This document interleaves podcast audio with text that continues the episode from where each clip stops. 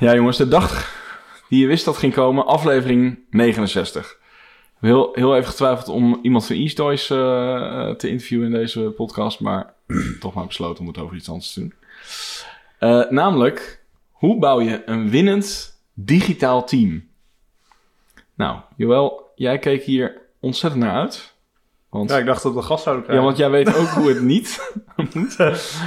Nee, deze week gaan we het hebben over hoe je een winnend digitaal team bouwt. Eh, wat, wat is de ultieme mix voor je digitale agency? Welke mensen heb je nodig voor een succesvol team? Eh, welke omstandigheden zijn nodig om eh, dat team te laten floreren? Ehm, nou ja, een van de dingen waar we het misschien ook wel over hebben: maker versus manager schedule. Hoe zorg je ervoor dat nou, het schema van de maker en de manager nou ja, elkaar niet verstoren?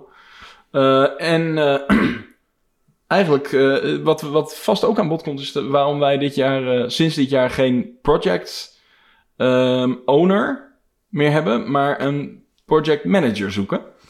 Ehm, nou, daar gaan we het ook nog over hebben. Eh, dus we gaan delen hoe we denken dat een perfect team eruit ziet. Hoe groot het moet zijn, welke rol erin zitten, hoe je met de overheid omgaat, dat soort dingen. Luister mee? We gaan beginnen. Welkom bij Pillow Talk, de podcast waarin we op zoek gaan naar de ultieme gebruikservaring in het digitale domein en daarbuiten.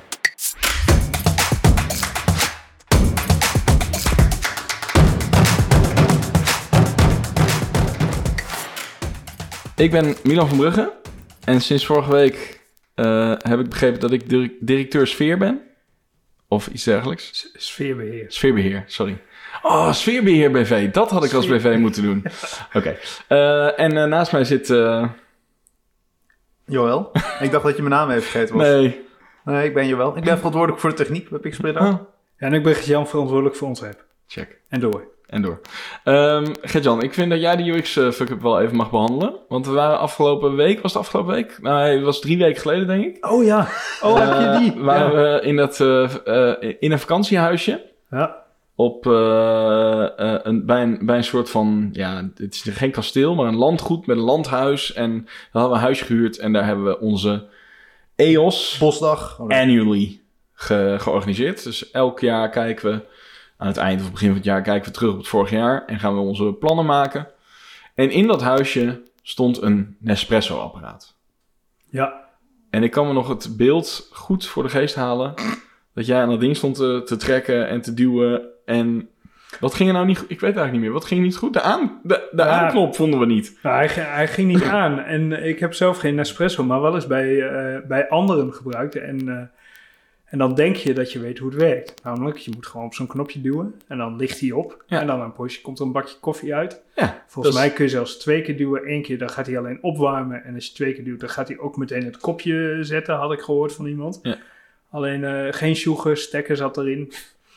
Het bleek dat er achter die twee knopjes zat een heel... eh nou, zat een transparant doorzichtig lipje. Ja. En dingen die transparant doorzichtig zijn, die zie je niet zo goed. Helemaal, niet, helemaal niet als het onder zo'n kastje zeg maar staat. Ja. Nou, En dat was de aan-uitknop. ja, en het gekke is, is dat eh, het reservoir, wat, want op zo'n Nespresso-apparaat zit ook nog zo'n waterreservoirtje achterop. Ja, Die ging vrij moeilijk eraf. Ja. Dus zo'n lipje is vaak het ontgrendelen van zo'n reservoir. Dus een lipje is ook helemaal niet eh, gebruikelijk, is niet heel knop. conventioneel voor een knop. En ik vroeg me sowieso af, al- als je al een soort knop hebt voor het opwarmen, waarom heb je dan nog een knop voor het Maar aan- en uitzetten? Je kan toch ook gewoon dan, als je op de opwarmknop doet, dat die dan ook aangaat? Volgens mij is het bij mij zo. Want je zou dan kunnen zeggen, ja, maar hoe zet je hem dan weer uit? Eh, als je geen uitknop hebt. Eh, bij mij zit er volgens mij, is het inderdaad standaard zo dat je op het knopje bovenop drukt voor klein of groot koffie, zeg maar. Dan gaat hij aan, gaat hij verwarmen. En pas als hij stopt met knipperen kun je echt koffie zetten, want hij moet gewoon eerst opwarmen. Ja. En als je hem echt gewoon, hij gaat in principe weer automatisch uit. Maar als je hem echt handmatig weer uit wil zetten, zit ook gewoon zo'n hard on-off switch op. Ja, maar was het misschien ook omdat in een vakantiehuisje dat hij dan de hele tijd op standby staat of zo? Ik heb geen idee. Of is dit standaard? Nee. Zet jij hem daar standaard ook mee aan en uit? Of Ja, nee, ik, ik zet in principe dat apparaat nooit uit. Hij gaat gewoon uit zichzelf weer uit. En dan druk je gewoon één keer op de knop en dan is die weer aan.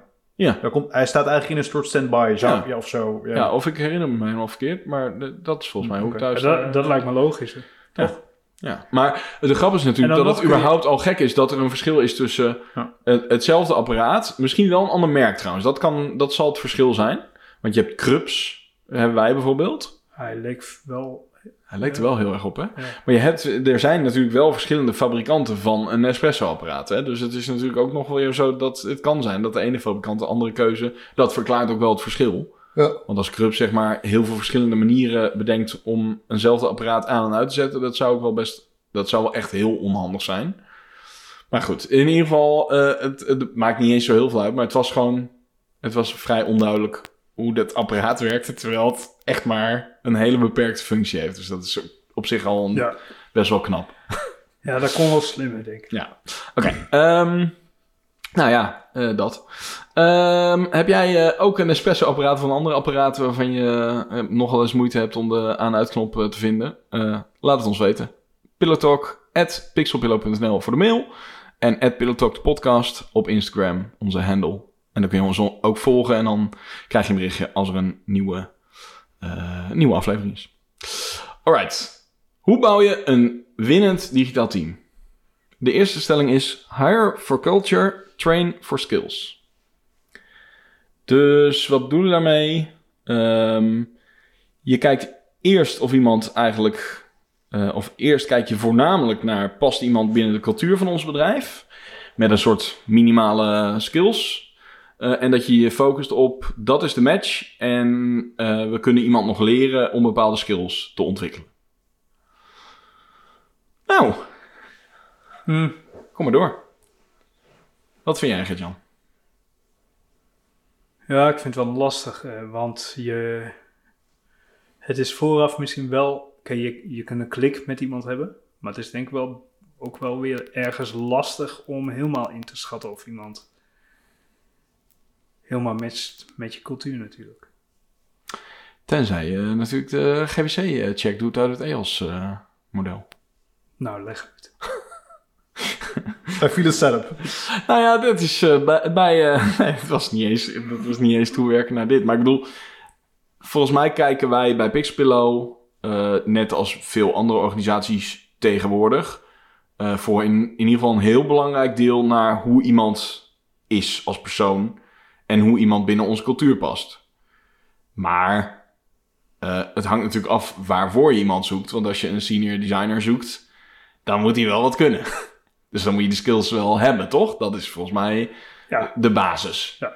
Eh, en als je een. ehm, maar stel dat je iemand een. eh, stel dat je een stagiair aanneemt. eh, waarvan je niet denkt van nou, die moet, ik, die moet aan het werk en productief zijn. Dan zijn skills misschien sowieso wat minder belangrijk. Ja, dan kun je dus. Maar wa- wat is GWC? Sorry. GWC is vanuit het EOS-model. en die moet dan ook weer even misschien voor mensen die het Wat? niet... EOS is het bedrijfsmodel dat wij gebruiken. Props naar je wel. Eh bla bla bla. Eh, Entrepreneurial Operating System. Eh, er zijn allerlei ehm, bedrijfsmodellen. Scaling up.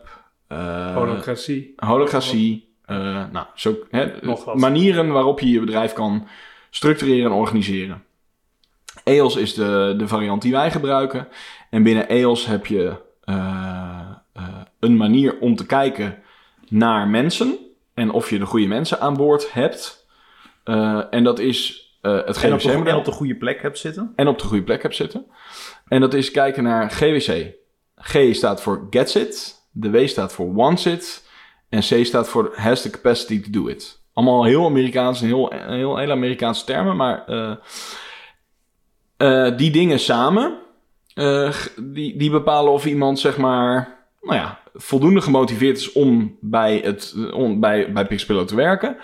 Of die zeg maar het begrijpt. En dat is dan niet alleen maar skills, eh, maar ook gewoon Ability. ja, snapt iemand eh, de, de, de, de context van, van eh, wat, wat we hier doen, waarom we het doen, waarbinnen welke eh, kaders we dat doen.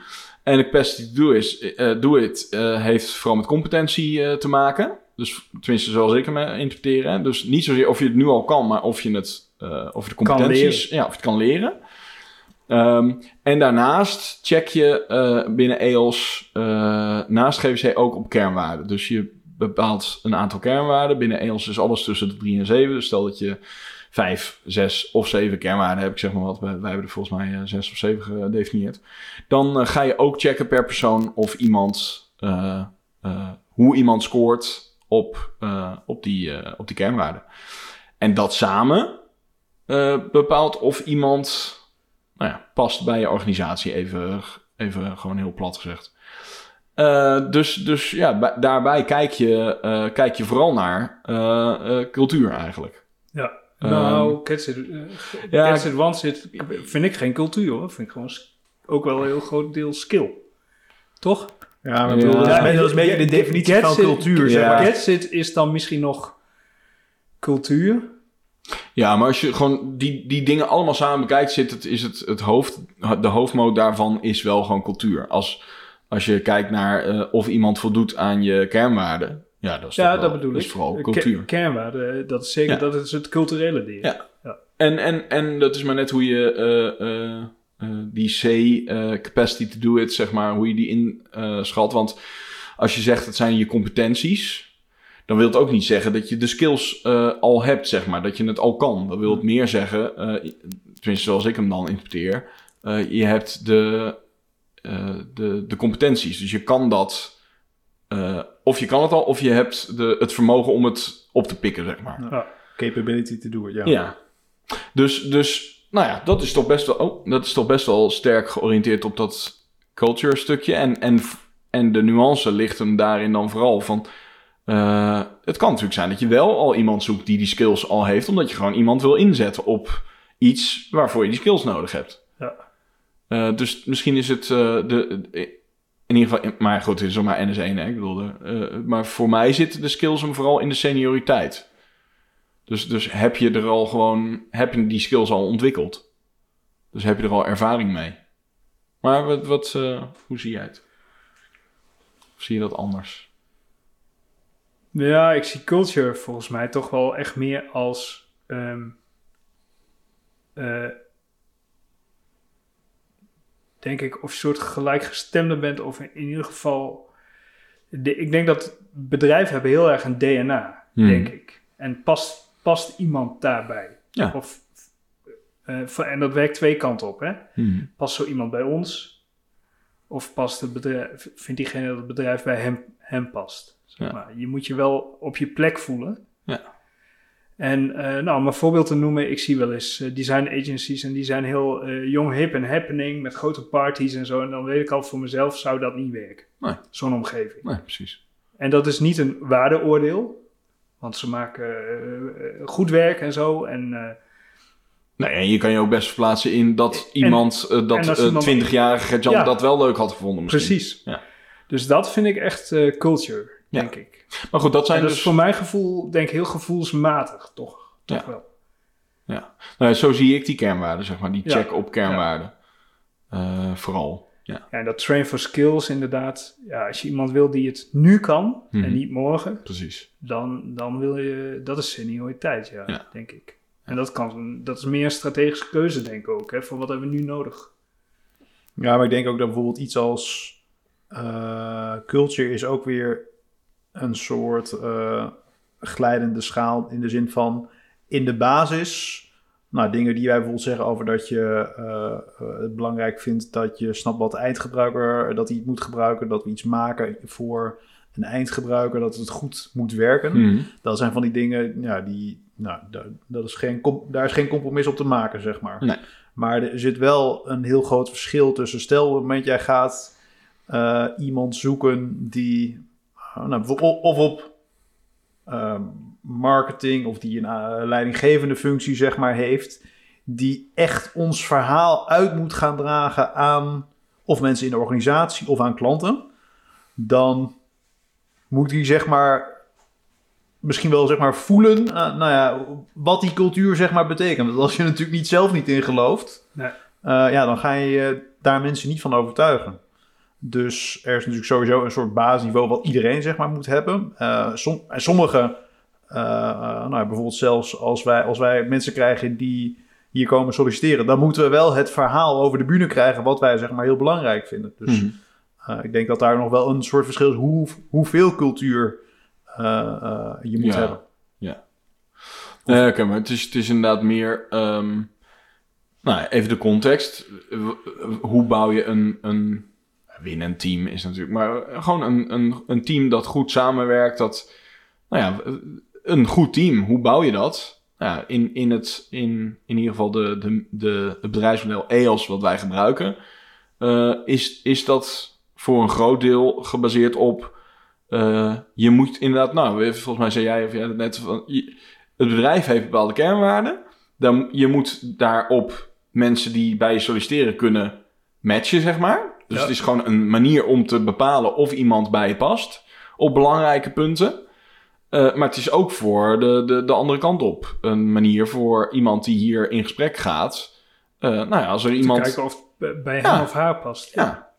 Dus, dus het, is, eh, het is een andere insteek. eh, eh, ehm, nou ja, om, om te kijken of mensen bij, je bij je organisatie passen en in je team passen, zeg maar. Ehm, en, en hoe vaak... Ja, dat is... Ja, ah, oké, maar dat is, dat is cultuur. Maar misschien kunnen we klein... Dat is niet helemaal, misschien niet helemaal cultuur, maar... Wij zijn natuurlijk ook... nou, best, best wel... ik weet niet of we fan zijn, maar we gebruiken natuurlijk dat Clifton, eh, Clifton Strength eh, eh, verhaal van Gallup eh, om, om te bepalen hoe, hoe mensen, wat, wat de kracht is van, van mensen. Ehm, ik vergeet altijd of het nou 32, 34 eh Ja, strengths zijn, maar volgens mij 32. eh, give or take. En, en iedereen, dat die methode gaat uit van dat je,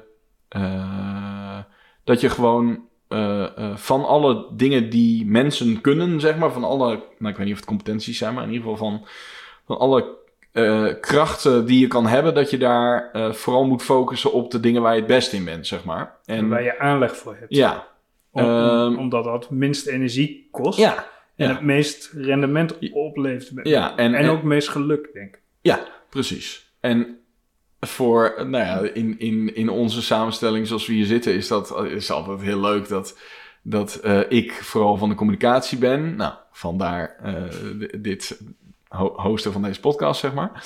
Ehm, maar dat, eh, dat jij dat niet hoog, volgens mij, in je top X hebt staan van die Strength Finder, maar dat jij bijvoorbeeld weer heel veel kennis tot je neemt. nou ja, om een soort van brede basis te hebben waarvanuit jij dan weer mensen kan overtuigen.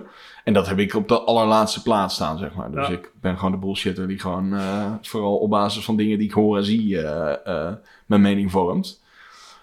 Maar hoe verhoudt zich dat tot dat winnende team dan? Hoe, hoe, eh, ehm, hoe kijken we daarnaar? Ja, ik je- vind het wel interessant, want dat higher for culture, de, de, de- het risico daarvan is natuurlijk dat je al- allemaal gelijkgestemden aanneemt. Ja, maar dat is denk ik... Ja. En dat, dat is echt een big risk volgens mij bij veel organisaties. En, en Ja. daar helpt dat strength verhaal Ja. bij, want dan ga je beter kijken naar van we willen een divers team. Hm, Je wil elkaar aanvullen en Mhm. niet allemaal hetzelfde zijn. Ja.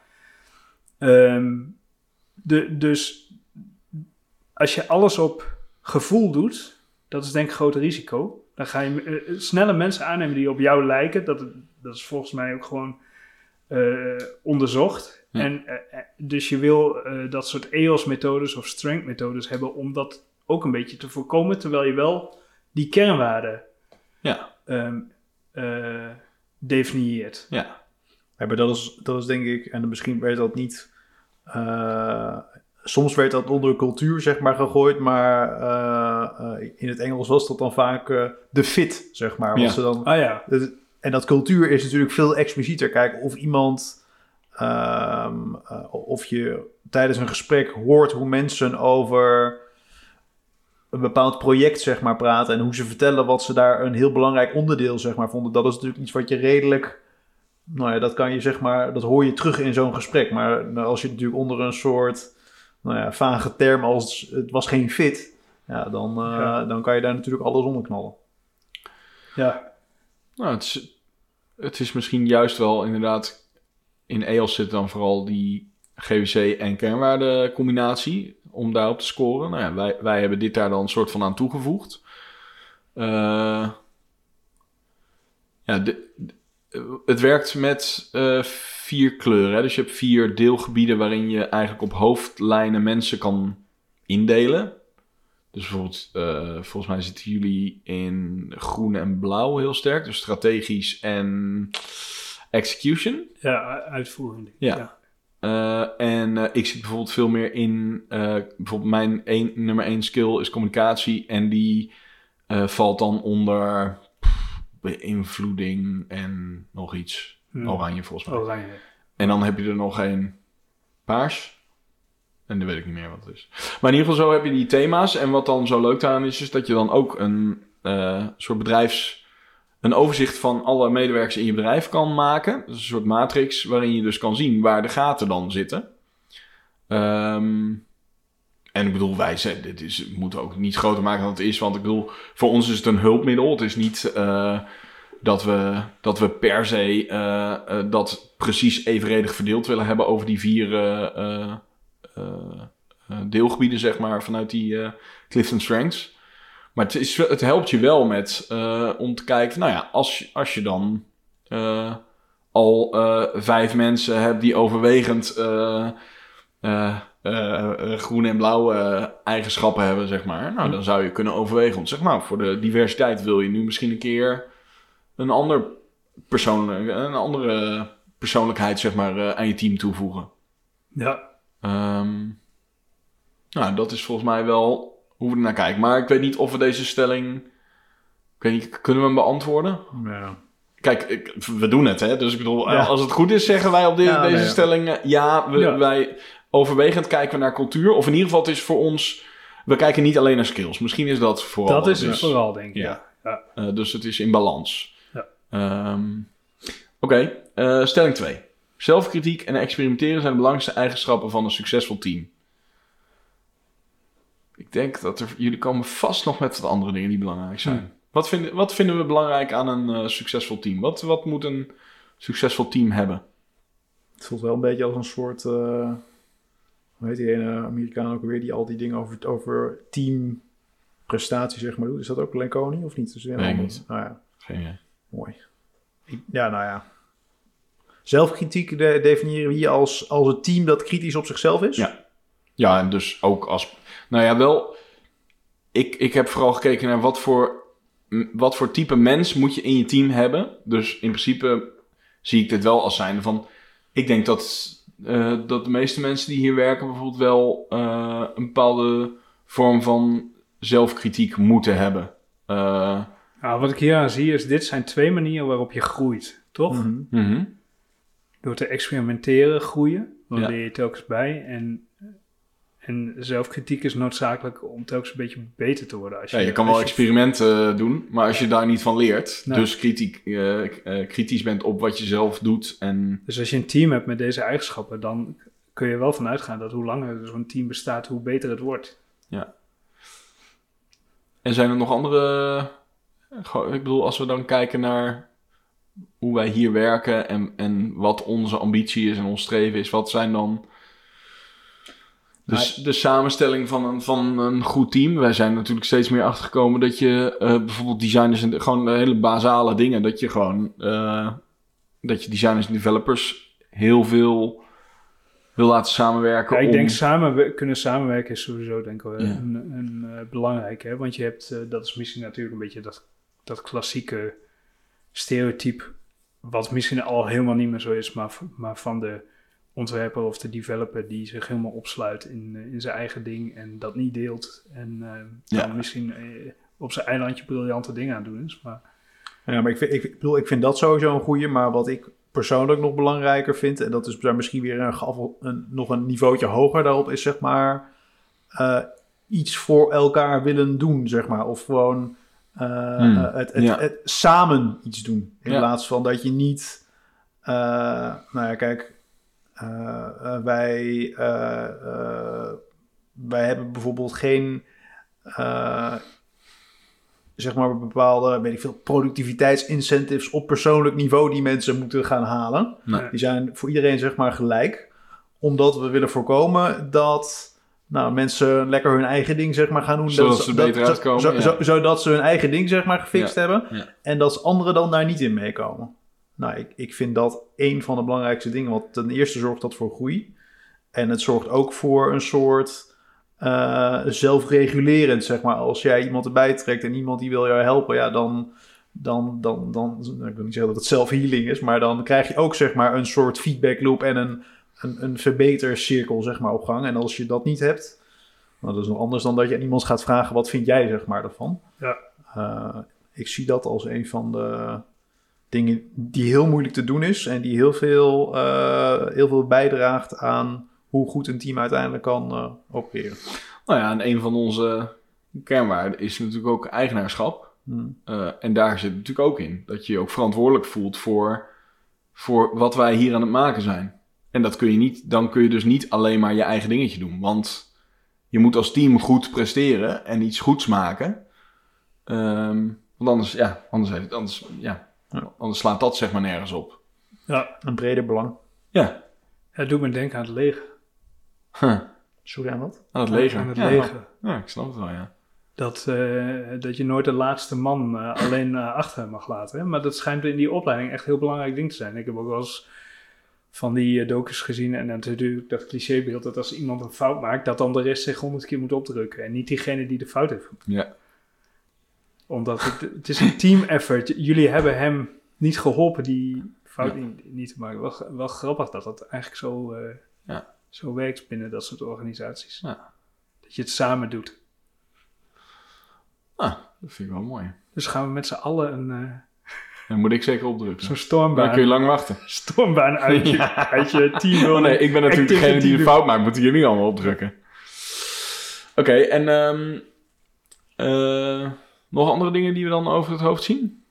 Nou, ik, ik, wat ik nog hier wel bij zeg, ik vind zo dat experimenteren, dat klinkt altijd als weer heel zwaar, hè? maar dat is ook dingen als, dat kunnen al hele kleine dingen zijn. Ik bedoel, je hoeft niet echt een, niet een ongelooflijk groot, we gaan nu een experiment Nee, zeg nee. maar doen, want dat is denk ik vaak het probleem. Het zijn juist de kleine dingen die je anders doet. Ja. We gaan in dit project gaan we dit nu even iets Ja. slimmer doen. Ja, en, Oh. eh, nou, en wat er ook een beetje in zit, zo zie ik hem in ieder geval, is dat het ook niet zo is dat het een gestructureerd proces per se is, maar dat het meer de eigenschap is. Dat je, eh, eh, dat je ook tegen elkaar eh, durft te zeggen dat als een designer iets heeft bedacht, dat de developer dan zegt, ja, maar misschien moeten we dit eens proberen. En andersom, dat Ja. als een developer iets heeft gedaan, dat Ja. een designer zegt van ja, dat is tof, daar ga ik even op doorborduren, want als we dat dan zo doen, dan wordt het misschien nog wel beter. Ja. Dus het is een beetje tweeledig. Dus en ook gewoon dat je samen dingen beter wil maken. Maar dat, en, en ook een beetje dat je. ehm, nou ja, dat je. Dat je het, het vereist ook wel een soort van veilige omgeving. Dat je dat, dat, je dat durft. Hè? Dat je dingen durft te proberen, zeg maar. Dus het is ook. Dus daar zit denk ik ook in dat een succesvol team. Nou, daar hebben we het dan in eh, die podcast van. ehm, vier, vier weken geleden over gehad. Eh, met eh, Alexandra van Beep Roger. Dat, dat eh, een divers team. Dat het een veilige omgeving geeft. Nou, zeg maar. ik, ik denk dat die veilige omgeving, dat is ja, grappig dat jij dat nu noemt, maar dat is echt cruciaal volgens mij voor als je continu op je tenen aan het lopen bent en, en bang bent fouten te maken. Mhm. Dat, Ja. dat is funest volgens mij voor een succesvol team. En, en vind jij dat grappig dat ik het noem omdat wij er niet over nadenken, maar als vanzelfsprekend ervaren, maar Nou, dat het eigenlijk zo ja. belangrijk is? Ik, ik heb daar wel eh, laatst over na zitten, de, de, de afgelopen tijd over na zitten denken, dat ik het gevoel heb dat dat wel zo is. Ja, maar voor ons is dat zo vanzelfsprekend Ja, dat denk ik, ja. dat het, dat het gewoon niet iets is wat je. Nou, het komt, het komt bij mij ook omdat ik op Twitter eh, wel veel, veel ehm, eh, mensen volg die ehm, een beetje uit die Amerikaanse tech. eh, en, en daar is denk ik een veel hardere cultuur of zo. En eh, de- heel competitief. En, ehm, en als ik dan dan lees, denk ik van, goh, goh, ik zou me daar best wel onveilig snel, snel voelen of zo.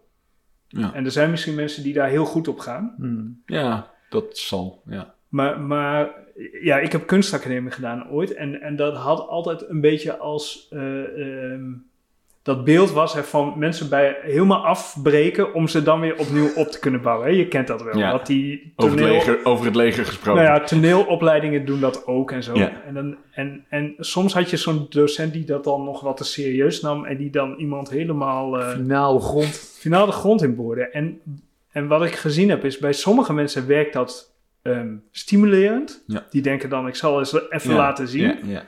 Maar sommige mensen ook helemaal niet. Die klappen compleet dicht. Ja. En dat is denk ik die veilige omgeving die, eh, ja, die denk ik wel belangrijk is. Mooi. Zullen we naar eh, stelling 3 gaan? Yes. Dat is even, een hele andere, even de hele andere kant van wat een goed team maakt. Ehm, stelling 3 is volledig remote teams gaan het afleggen tegen teams die fysiek samenwerken. Nou, dat is natuurlijk een eh, overblijfsel van corona. Eh, aan het begin van corona, eh, nou, er, zijn sowieso natuurlijk al best wel een tijdje is die ontwikkeling gaande dat er volledig remote bedrijven, teams zijn. Hebben wij nooit zo gedaan of, hebben we niet, ook niet geprobeerd, zeg maar, bij Pixpillow. Ehm, ik heb het idee, sowieso dat lees je de berichten over dat werkgevers steeds meer van hun mensen gaan vragen of eh, ei- eisen dat ze gewoon weer terug naar kantoor moeten komen. Ehm, nou, ja, dat is dan gewoon hoe het is. Maar ik ben wel benieuwd, is, is het... Werkt het ook echt beter? Denken wij dat het echt beter is, in in ieder geval onze omgeving, om elkaar ook regelmatig fysiek te ontmoeten en samen te werken fysiek? Eh, of, of zou dit ook volledig remote kunnen en zijn wij gewoon ouderwets? Nou, het kan, want er zijn bedrijven die bewijzen dat dat kan. Mhm. Want die doen het remote en die functioneren goed. Ik hoorde ook laatst iemand zeggen, open source bijvoorbeeld is allemaal remote en asynchroon. En, en dat levert dingen op. Ja. Ehm, ik, ik ben nog steeds niet, ik, ik weet nog steeds niet hoe je een cultuur bouwt remote. Ik, ik zou niet, gewoon niet zo goed weten hoe. hoe Weet ik, nee. Kijk, kijk, als je met mensen samenwerkt, volgens mij eh, leidt het tot veel meer begrip. En, en als, je, als, je mensen, als je een relatie met mensen hebt, en die relatie bouw je moeilijker op remote. Maar er zijn kennelijk mensen die dat wel kunnen. Dus misschien verschilt het ook gewoon per persoon of karakter. Nou, en, en bepaalde organisaties die een hele uitgesproken cultuur, zeg maar, hebben.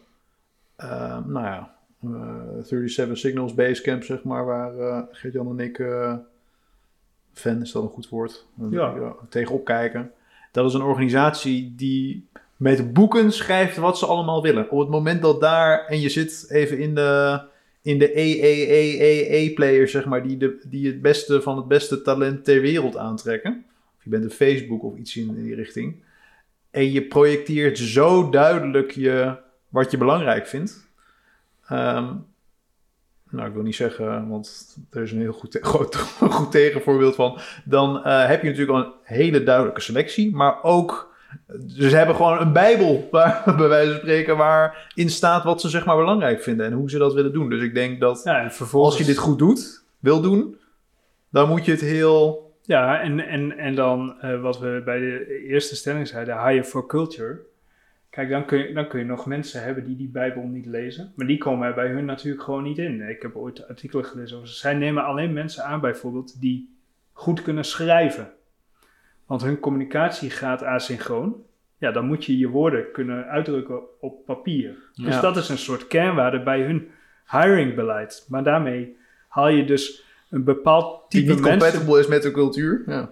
Be- je haalt een bepaald type mensen eh, eh, binnen. En de mensen die niet, niet zo goed zouden functioneren remote, die komen daar überhaupt waarschijnlijk niet aan de slag.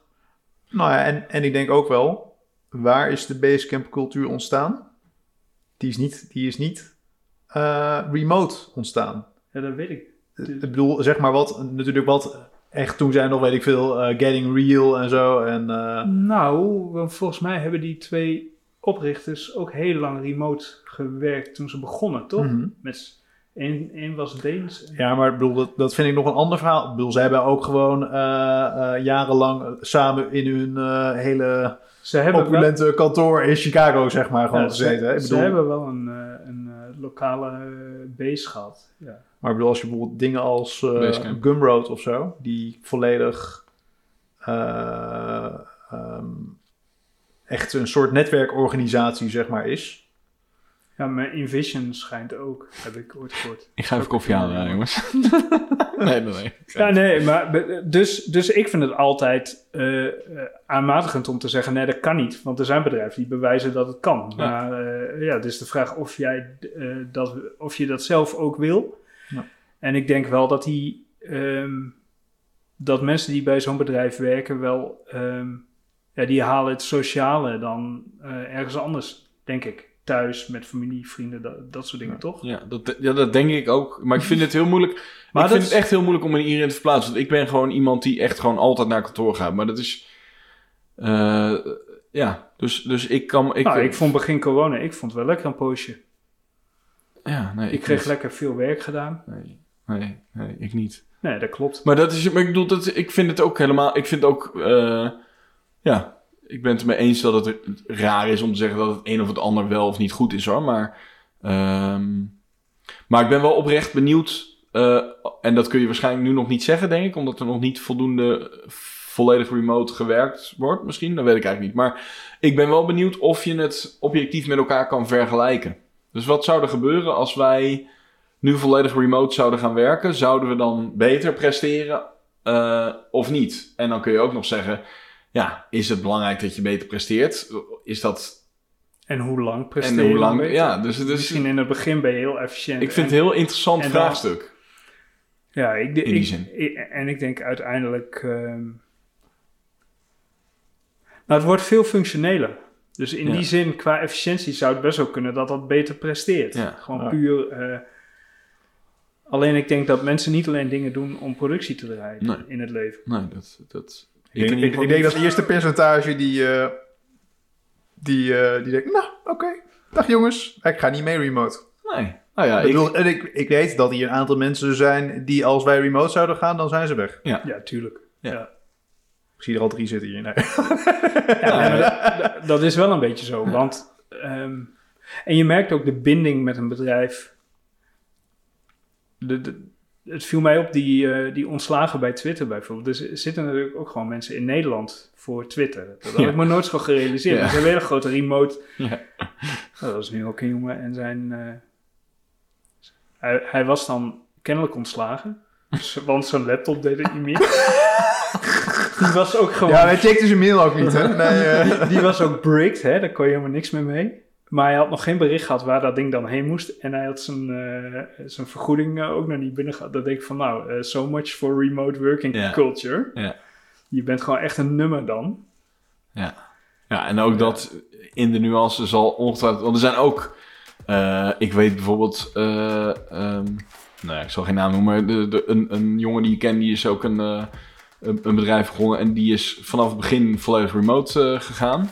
Maar ik zie dan wel nu echt steeds meer foto's dat ze een maandelijkse meeting hebben... waarvoor ze allemaal naar Nederland komen. En denk, ja, het is toch wel leuk, hè, zo bij elkaar. Dus eh, eh, ik denk toch dat het heel moeilijk is om, om inderdaad... ehm, dat sociale aspect, ja, dat moet je toch af en toe voor bij elkaar komen. Ja, ik denk dat de enige manier waarop het kan is, is dat eh, als, ja, als je niet geïnteresseerd bent in dat sociale aspect gerelateerd Ja, aan ja. je werk. Ja, misschien is dat En dat hoor ik wel mensen zeggen hoor. Die scheiden dat gewoon heel erg. Die zeggen, ik sta gewoon op en dan ga ik werken. Ja. En dan sluit ik het af en dan ga ik sociaal doen met, de, met familie en vrienden. Ja. Nou, dat, kan. Nou, dat is dat, een keuze. dat is een keuze. Ja. Nou ja, en ook wel een begrijpelijke keuze in die zin dat het is tegenwoordig natuurlijk allemaal heel druk voor mensen. Dus ik snap best dat het ook wel, als je ook nog heel gezellig moet doen op je werk, het, is allemaal wel, het komt er allemaal bij. Dus ik, ergens begrijp ik het ook wel. Maar ja, voor, voor mij persoonlijk eh, zou het echt totaal niet passen. Ik zou echt diep ongelukkig worden van alleen maar eh, remote werken. Ja. Maar goed, of het, eh, of het echt... ehm, eh, ook echt of je succesvoller bent als je fysiek bij elkaar bent. Ik denk dat je wel kan zeggen, in ons specifieke geval, dat de mix voor ons beter werkt als, er, als, er ook, als je ook naar kantoor komt. Gewoon Ja. puur voor Pixelpillow. Zeker. Ehm maar inderdaad, in algemene zin valt er nog niet zo heel veel over te zeggen. Tenzij er misschien al onderzoeken naar zijn gedaan. Zou best kunnen. Maar die weet ik niet. Dus dat eh, ik ben er wel benieuwd naar. Nou, dat is misschien wel een goede vraag. Om even aan onze luisteraars te stellen. Want heb jij misschien ooit een keer een onderzoek daarover gelezen? Of weet je dat het er is? Eh, laat het ons weten, want wij zijn er wel benieuwd naar. Pillowtalk.pixelpillow.nl En volg ons op Instagram. Ik weet niet, hadden we... Ik denk dat we alles wel hebben besproken. hè? Ja. Ja, zeker. Oké, cool. Nou, jongens, bedankt. En tot de volgende. Dag, hoor.